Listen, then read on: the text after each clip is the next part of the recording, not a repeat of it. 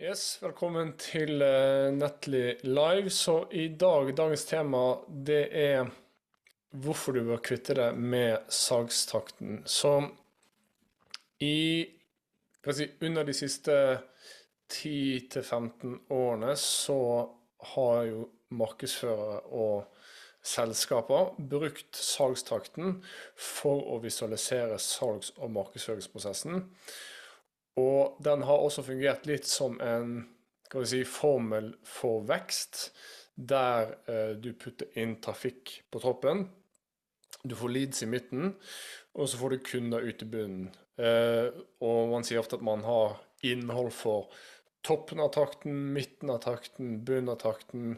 Du har kanskje sett eh, si, begrep som tofu, mofu, bofu, top of funnel, middle of funnel, eh, bottom of funnel. Så f.eks. at du har en, en, formel der du har 10 000 besøk per måned. Eh, du får 500 leads, og av de 500 leadsene så får du fem kunder, f.eks. Og da Den typiske skal vi si, formelen, det er at man har eh, taktikker som bloggartikler, man jobber med, eh, SEO, du publiserer i sosiale medier osv. for å få trafikk på toppen. Du har e-bøker, webinarer eh, i midten av takten for å generere leads. Og så har du f.eks. kundehistorier, eh, konsultasjoner, demoer, eh, snakk med salg i bunnen av takten for å få møte og lukke salget. Og så har det også vært en måte for deg å visualisere og få oversikt over hva slags typer innhold du som leverandør bør eh, produsere i hvilken rekkefølge, eh, og sørge for at kjøper får riktig budskap, riktig innhold til riktig tid. Men som jeg skal snakke om litt i dag, så synes jeg at det er en ganske utdatert eh, modell. Og jeg syns også det er en dårlig representasjon av hvordan kjøpere innen BTB faktisk kjøper i dag. Så for å ta litt av problemene. Det første problemet er at en person som laster ned dine eh, laster ned en e-bok, de har gjerne ikke eh, De har gjerne ikke intensjon om å kjøpe, ikke sant? Um, Skal vi se Og derfor er konverteringen fra lead til kunde lav, og du genererer mange leads av lav kvalitet. Så du kaster bort ressurser på leads som aldri blir til kunder. Så du har kanskje en veldig lav konverteringsgrad fra lead til kunde. Og derfor så bruker du også mye ressurser på å generere lead som alle kommer til å bidra til selskapets omsetning. Så hvis de var klare, hvis disse leadsene som lasta ned e-bøker, hadde faktisk vært klare til å snakke med salg og, og, og um, kjøpe produktet ditt, eller iallfall ha en diskusjon om å kjøpe produktet ditt, så hadde de bare tatt kontakt og bedt om den demoen, eller, eller, bedt om tilbud, eller, eller fylt inn kontaktskjema. Det andre problemet er at et fokus på eh, Eller å ha denne salgstakten, eh, det medfører et veldig sterkt fokus på å generere leads. Og når du fokuserer på leads, så begrenser du deg fort til å kun bruke kanaler som du kan måle. Så hovedfokuset med en salgstakt det er å generere leads fremfor å utdanne dine potensielle kunder. Og for å ta en liten digresjon, så vil det som jeg ser, at veldig mye av innholdet som produseres for å generere, for å bruke som si, mat for å generere leads, det er ofte generisk, overfladisk. Eh, det er bare noe som er satt sammen raskt, slik at man kan ha noe man kan eh, promotere og få og samle inn e-postadresser, samle inn leads. Um, men hvis du er for fokusert på å få et veldig konkret resultat fra hver eneste aktivitet, altså du skal få et lead, du skal få et møte, du skal få et salg, så vil du faktisk risikere å ignorere mange av de beste taktikkene og kanalene for BTB-markedsfører i dag. For tanken med e-bøker det er som sagt å samle inn e-postadresser, samle inn kontaktinformasjon, slik at et selskap kan holde seg top of mind, så å si, eh, over tid i en lang kjøpsprosess. Eh, og sende innhold slik at man kan utdanne eh, en potensiell kunde over tid. Og så når de er klare til å kjøpe, så kommer de til å ta, ta kontakt. Det er i hvert fall grunntanken med denne tradisjonelle leads-genereringstankegangen og salgstakten som HubSpot og Salesforce har gjort populær. Um, en veldig stor svakhet med denne tilnærmingen er jo at dette er noe som folk begynner å bli ganske lei av. Så når jeg begynte Netly i 2015, så var dette en relativt ny taktikk. Det funket veldig bra. Eh, vi fikk mye resultater, fikk mange leads og fikk en del møter. Men over tid så ser jeg at det har blitt mindre og mindre effektivt. Så folk ønsker egentlig ikke å bli solgt til, de ønsker ikke å legge igjen kontaktinformasjon, fordi de vet at det egentlig bare er en måte for selskapet å samle inn kontaktinformasjon, slik at de kan, bli, sånn slik at de kan selge til deg. Slik at en selger kan ringe og prøve å få til et møte, selv om du ikke er klar til å, å ta det møtet og, og, høre mer om produktet. Du ville bare ha informasjon, og du ville utdanne deg selv om et bestemt tema. Um, så da er jo spørsmålet hvordan kan vi fange og holde oppmerksomheten til kjøper i dag? Og hvis vi tenker på hvordan du og jeg eh, atferden vår eh, digitalt Vi bruker mye tid på LinkedIn, podcast veldig stort, vi ser på YouTube. Og mange av disse kanalene, det var tre eksempler, de kan være litt vanskelig å måle og, fall direkte måle og spore tilbake til omsetning. Så jeg skal komme tilbake litt til det etterpå. Det tredje problemet med sakstrakten er at rekkefølgen på innholdet som du eh, publiserer, det er faktisk mye mindre å si enn det du kanskje tror.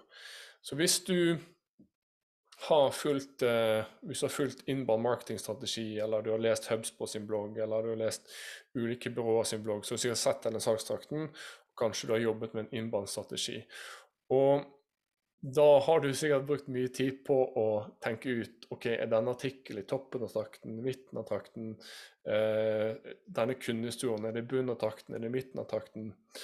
Og det som er interessant å se så Vi, vi, vi, vi selger HubSpot selv, og vi videreselger HubSpot, og vi ser når vi får inn en kunde for våre kunder, så er det alltid interessant å se hvordan var denne reisen? Hvordan så reisen ut til denne? For vi kan se alle kontaktpunktene, som sidevisninger eh, og den type ting.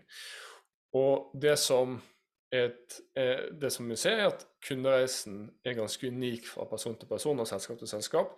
Det er veldig mange ulike innganger en person kan ha eh, når det kommer til en BTB-kjøpsprosess. Jeg tror at grunnen til at det her denne lead nurturing-tankegangen med at man skal putte en person inn i en eh, e-postsekvens, det kommer nok som et resultat at du har disse store aktørene som HubSpot, Salesforce, Marketo og en rekke andre. De har denne Det er en av de si, eh, viktigste funksjonene de selger i sine produkter. Og siden de har den funksjonen i sitt produkt, så vil de selvfølgelig fremme sin sak og få deg til å bruke produktene deres på den måten de har bygget opp. Og, men det som er poenget mitt, det, det er ingen regel som sier at en kundehistorie ikke kan vises til en person, person som aldri har hørt om det før. Og en bloggartikkel kan fint være litt mer produktfokusert og prisfokusert. Um, det, er ikke noe, uh, det er ikke noe regel om at en viss type innhold kun hører til i en viss del av takten.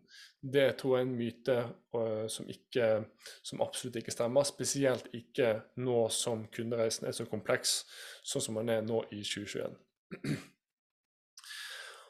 Og det med kanaler Altså, du har jo ulike kanaler som, og, og taktikker. Hvis jeg tenker, tenker litt på hvordan man markedsførte seg om for 10 år siden, 15 år siden. De primære kanalene, kanskje til rundt 2010, da var det SEO, altså Google, og så var det, var det blogging. Det var liksom da, datidens TikTok eller LinkedIn.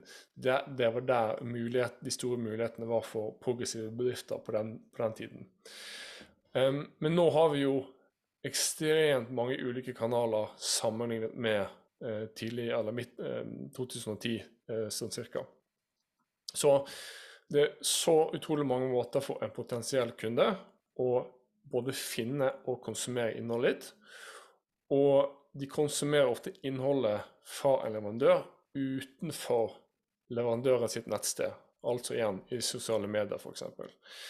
Eh, og det er nesten umulig for deg å forutse hvilken rekkefølge en person kommer til å konsumere ditt innhold.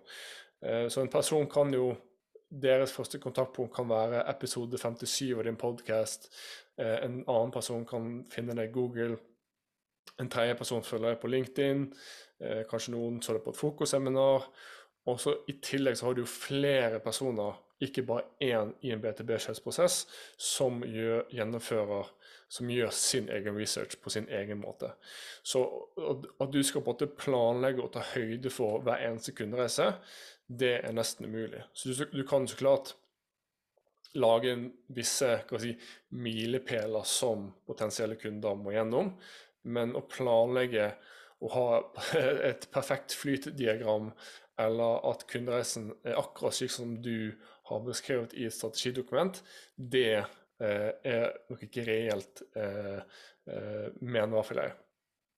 Så det som jeg oppfordrer oppfordre til, å ikke bruke for mye tid til å planlegge i hvilken rekkefølge en potensiell kunde, en potensiell kunde skal motta innholdet ditt, så lenge du gjør det enkelt for dem å, å, å, å, finne først og fremst innholdet, og så konsumere det. Så det vil si at eh, du har ingen eh, hindringer i form av skjema og den type ting, og at du tilpasser innholdet til hver enkelt kanal du publiserer det i. Sånn at du har eh, eh at eh, du har riktig format og dimensjoner på LinkedIn kontra TikTok eller YouTube osv. Og så til neste punkt, dette med salgstakten. Det er en av grunnene til at du bør kvitte deg med salgstrakten, er fordi at mange selskaper bommer med si, intensjonen uh, bak innholdet sitt. Så jeg tror problemet med at mange bedrifters innholdssatsing ikke alltid gir resultatene de ønsker, er at de har det veldig vanskelig for å produsere innhold som ikke er selgende. Så de, de, er for for at de er veldig opptatt av at innholdet, det her innholdet som vi produserer, det skal generere leads, det skal generere møter, det skal generere, generere salg. Og så klart, det er jo eh, sluttmålet alle bedrifter må fokusere på. Men så er spørsmålet hvordan, hvordan kommer du deg dit. Um, og det er utrolig mange Dette ser du spesielt på LinkedIn om dagen at det alltid er en slags skjult agenda, nesten, en, en, en dårlig, dårlig, skjult agenda, er at folk legger ut artikler eh, eller innlegg på LinkedIn, men så det alltid har litt, et litt selgende budskap. Og problemet med når du prøver å pitche og fortelle om hvor bra du er, så bryter det litt med tilliten til en potensiell kunde, eller den som leser eller ser på, eller hvem det skal være. De skjønner at de blir solgt til, Eh, og hvis du gjør det lenge nok, så lærer du opp din målgruppe til å faktisk ignorere deg. Så innstillingen du må ha, er at du må, eh, du må kun fokusere på å legge ut innhold som er hjelpsomt, som, er, som hjelper å utdanne din målgruppe om et problem de har. Eh, og så ikke forvente å få noe tilbake, i hvert fall ikke umiddelbart. eller i hvert fall, Du kan ikke forvente å begynne å publisere innlegg på LinkedIn denne uken, og så gi opp neste uke fordi at du ikke har fått noe salg engang.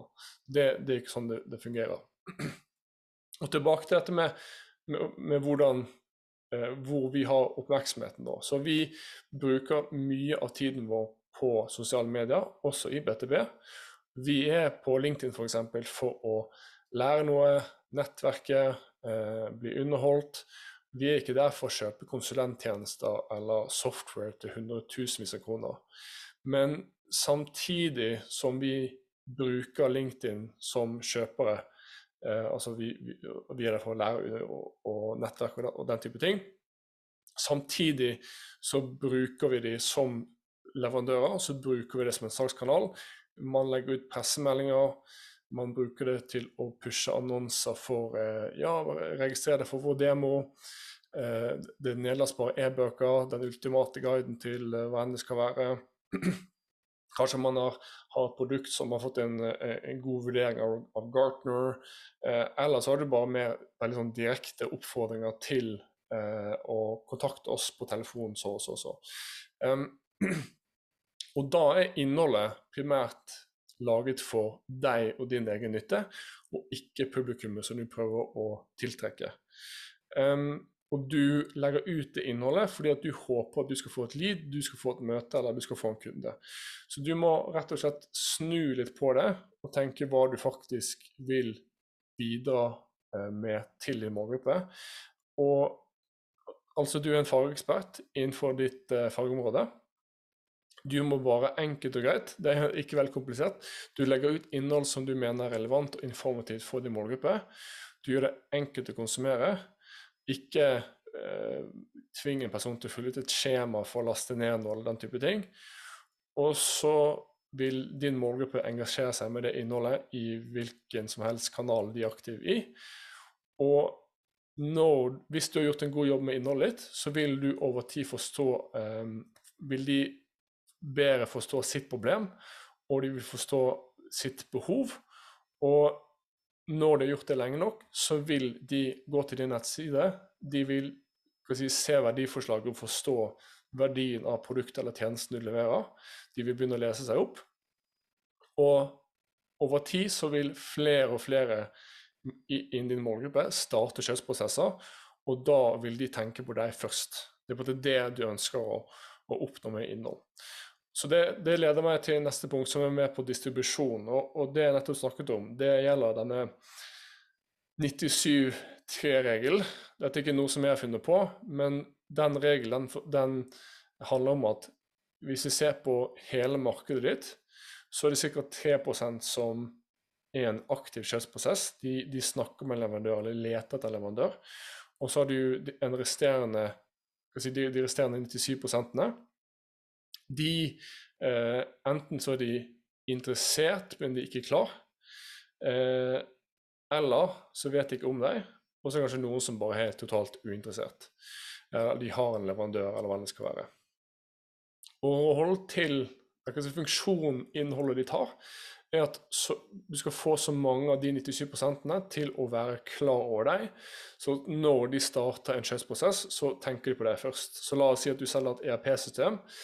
Um, så istedenfor at de søker på uh, hva er det beste ERP-systemet, så søker de på ditt selskap, din merkevare, fordi at du har gjort en såpass god jobb i forkant med å utdanne dem om, uh, om si, deres problem, og hvordan ditt produkt løser det problemet. Så det er idealet du ønsker å komme til.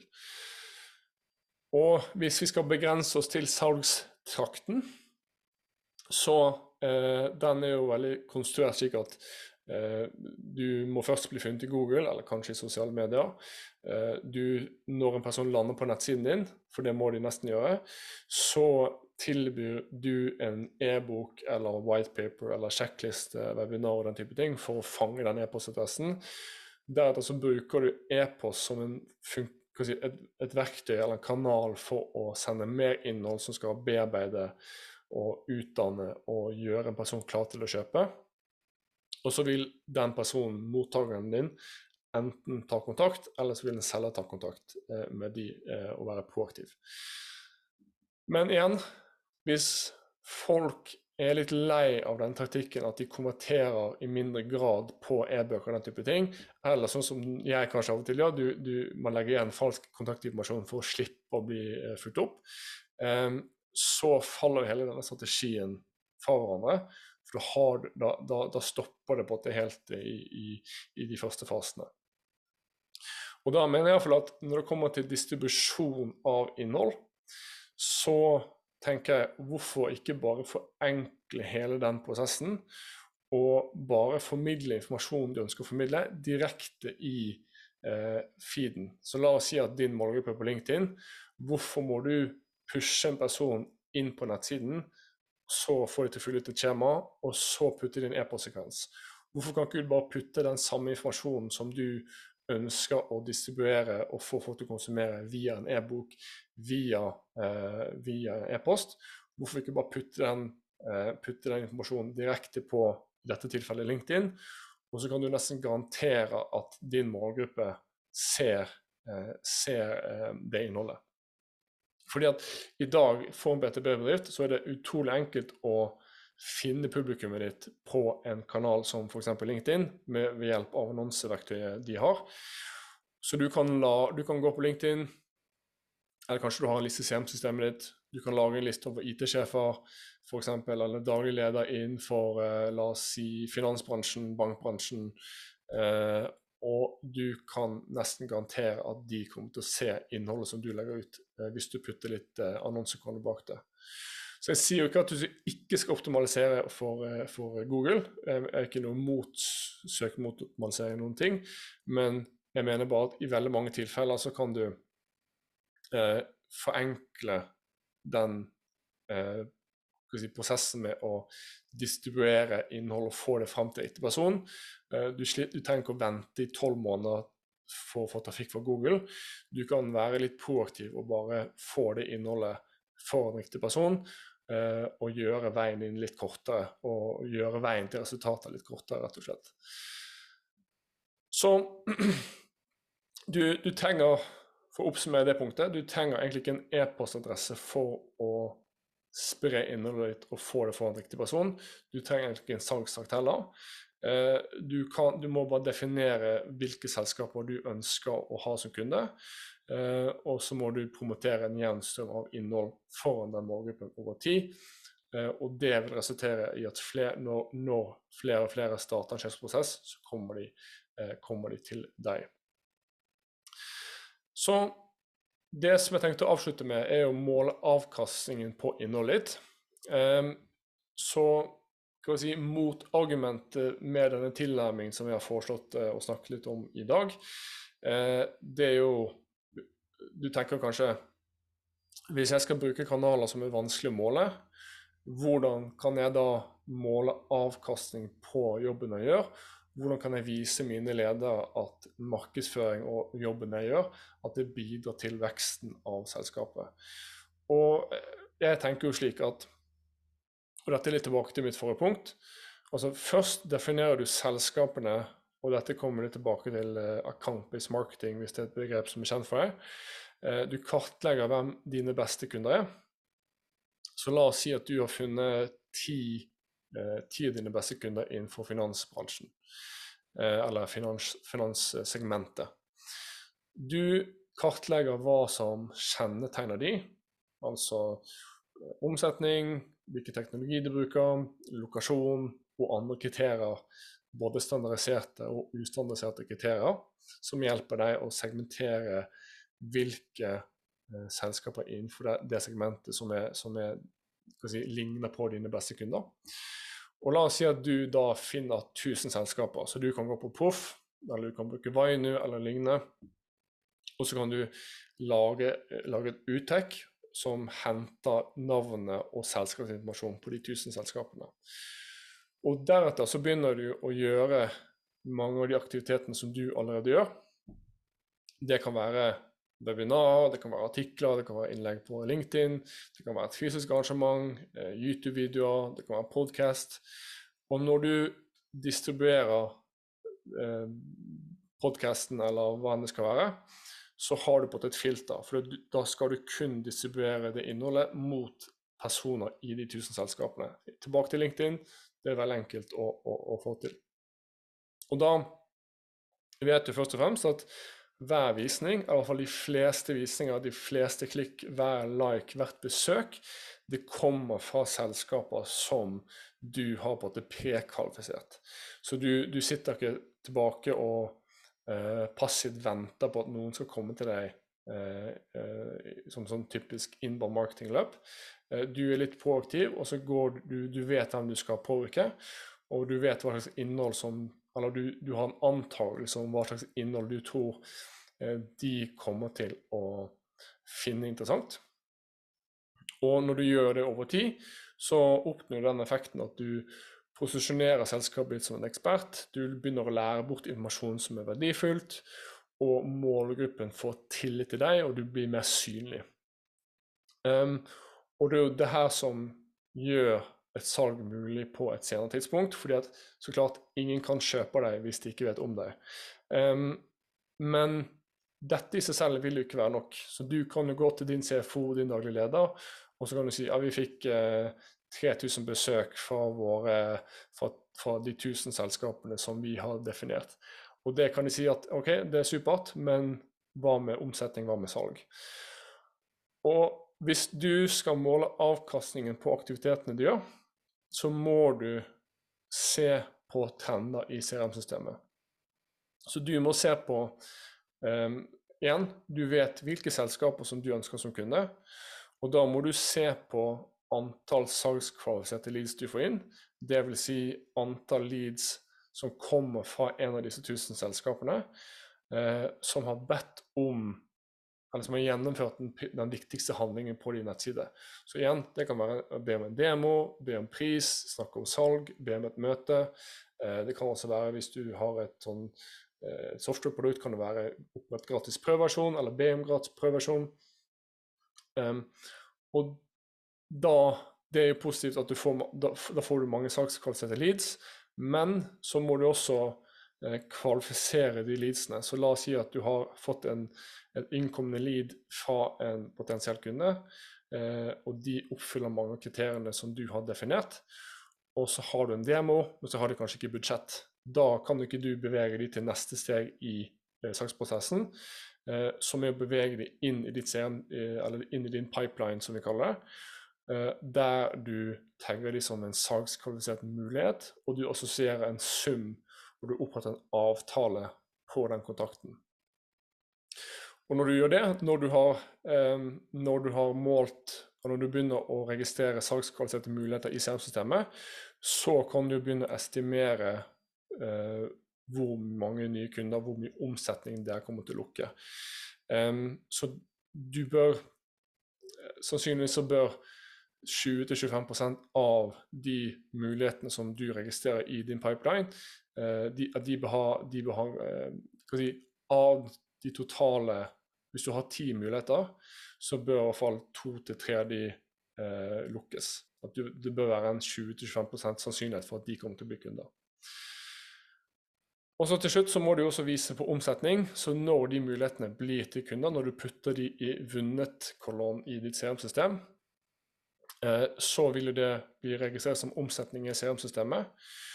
Og da kan du vise din daglig leder, din CFO, at disse kontaktene de kom fra digitale kanaler, og eh, eller eh, at de har konvertert via nettsiden. Igjen, de har bedt om en demo, de har bedt om et tilbud.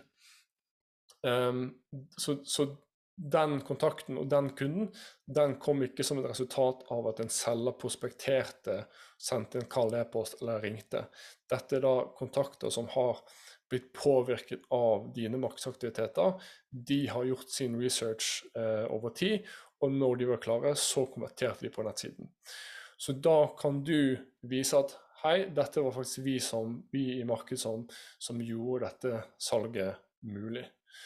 Um, så det, si, måten du måler avkastningen på eh, eh, avkastningen på din investering, er at hvis du viser at du brukte 100 000, og så har du klart å generere 1 million i potensielle avtaler, så vil selvfølgelig det være veldig enkelt å rettferdiggjøre fortsatt eller økt investering i markedsføring.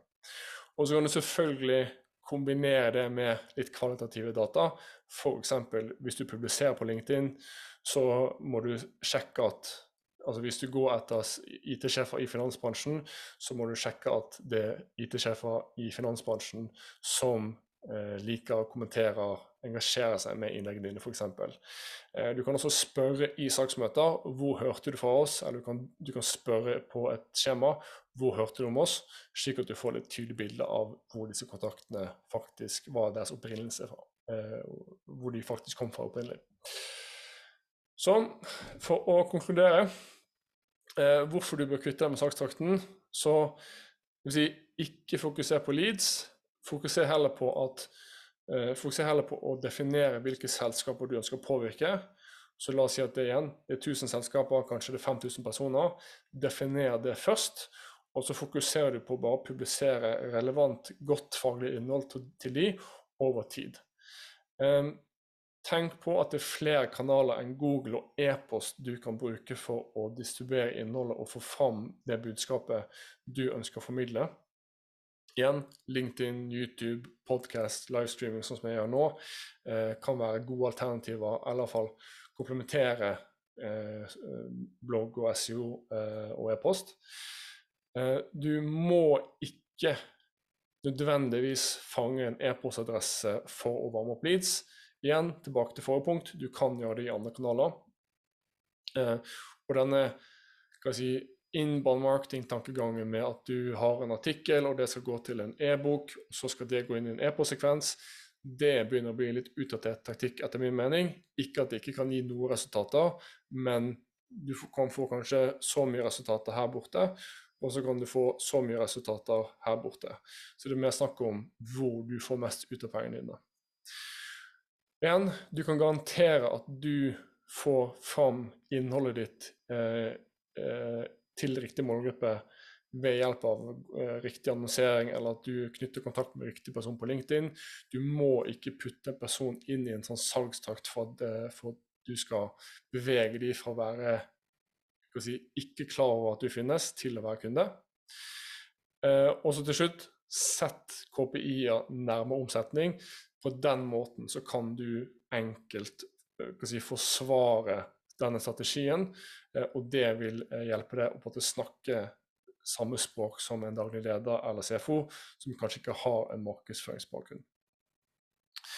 Så det var, derfor, det var, alt jeg hadde om hvorfor du bør kvitte deg med salgstrakten. Håper det ga deg noen nye tanker om hvordan du skal markedsføre og, og, og, selge dine produkter og tjenester i løpet av neste år.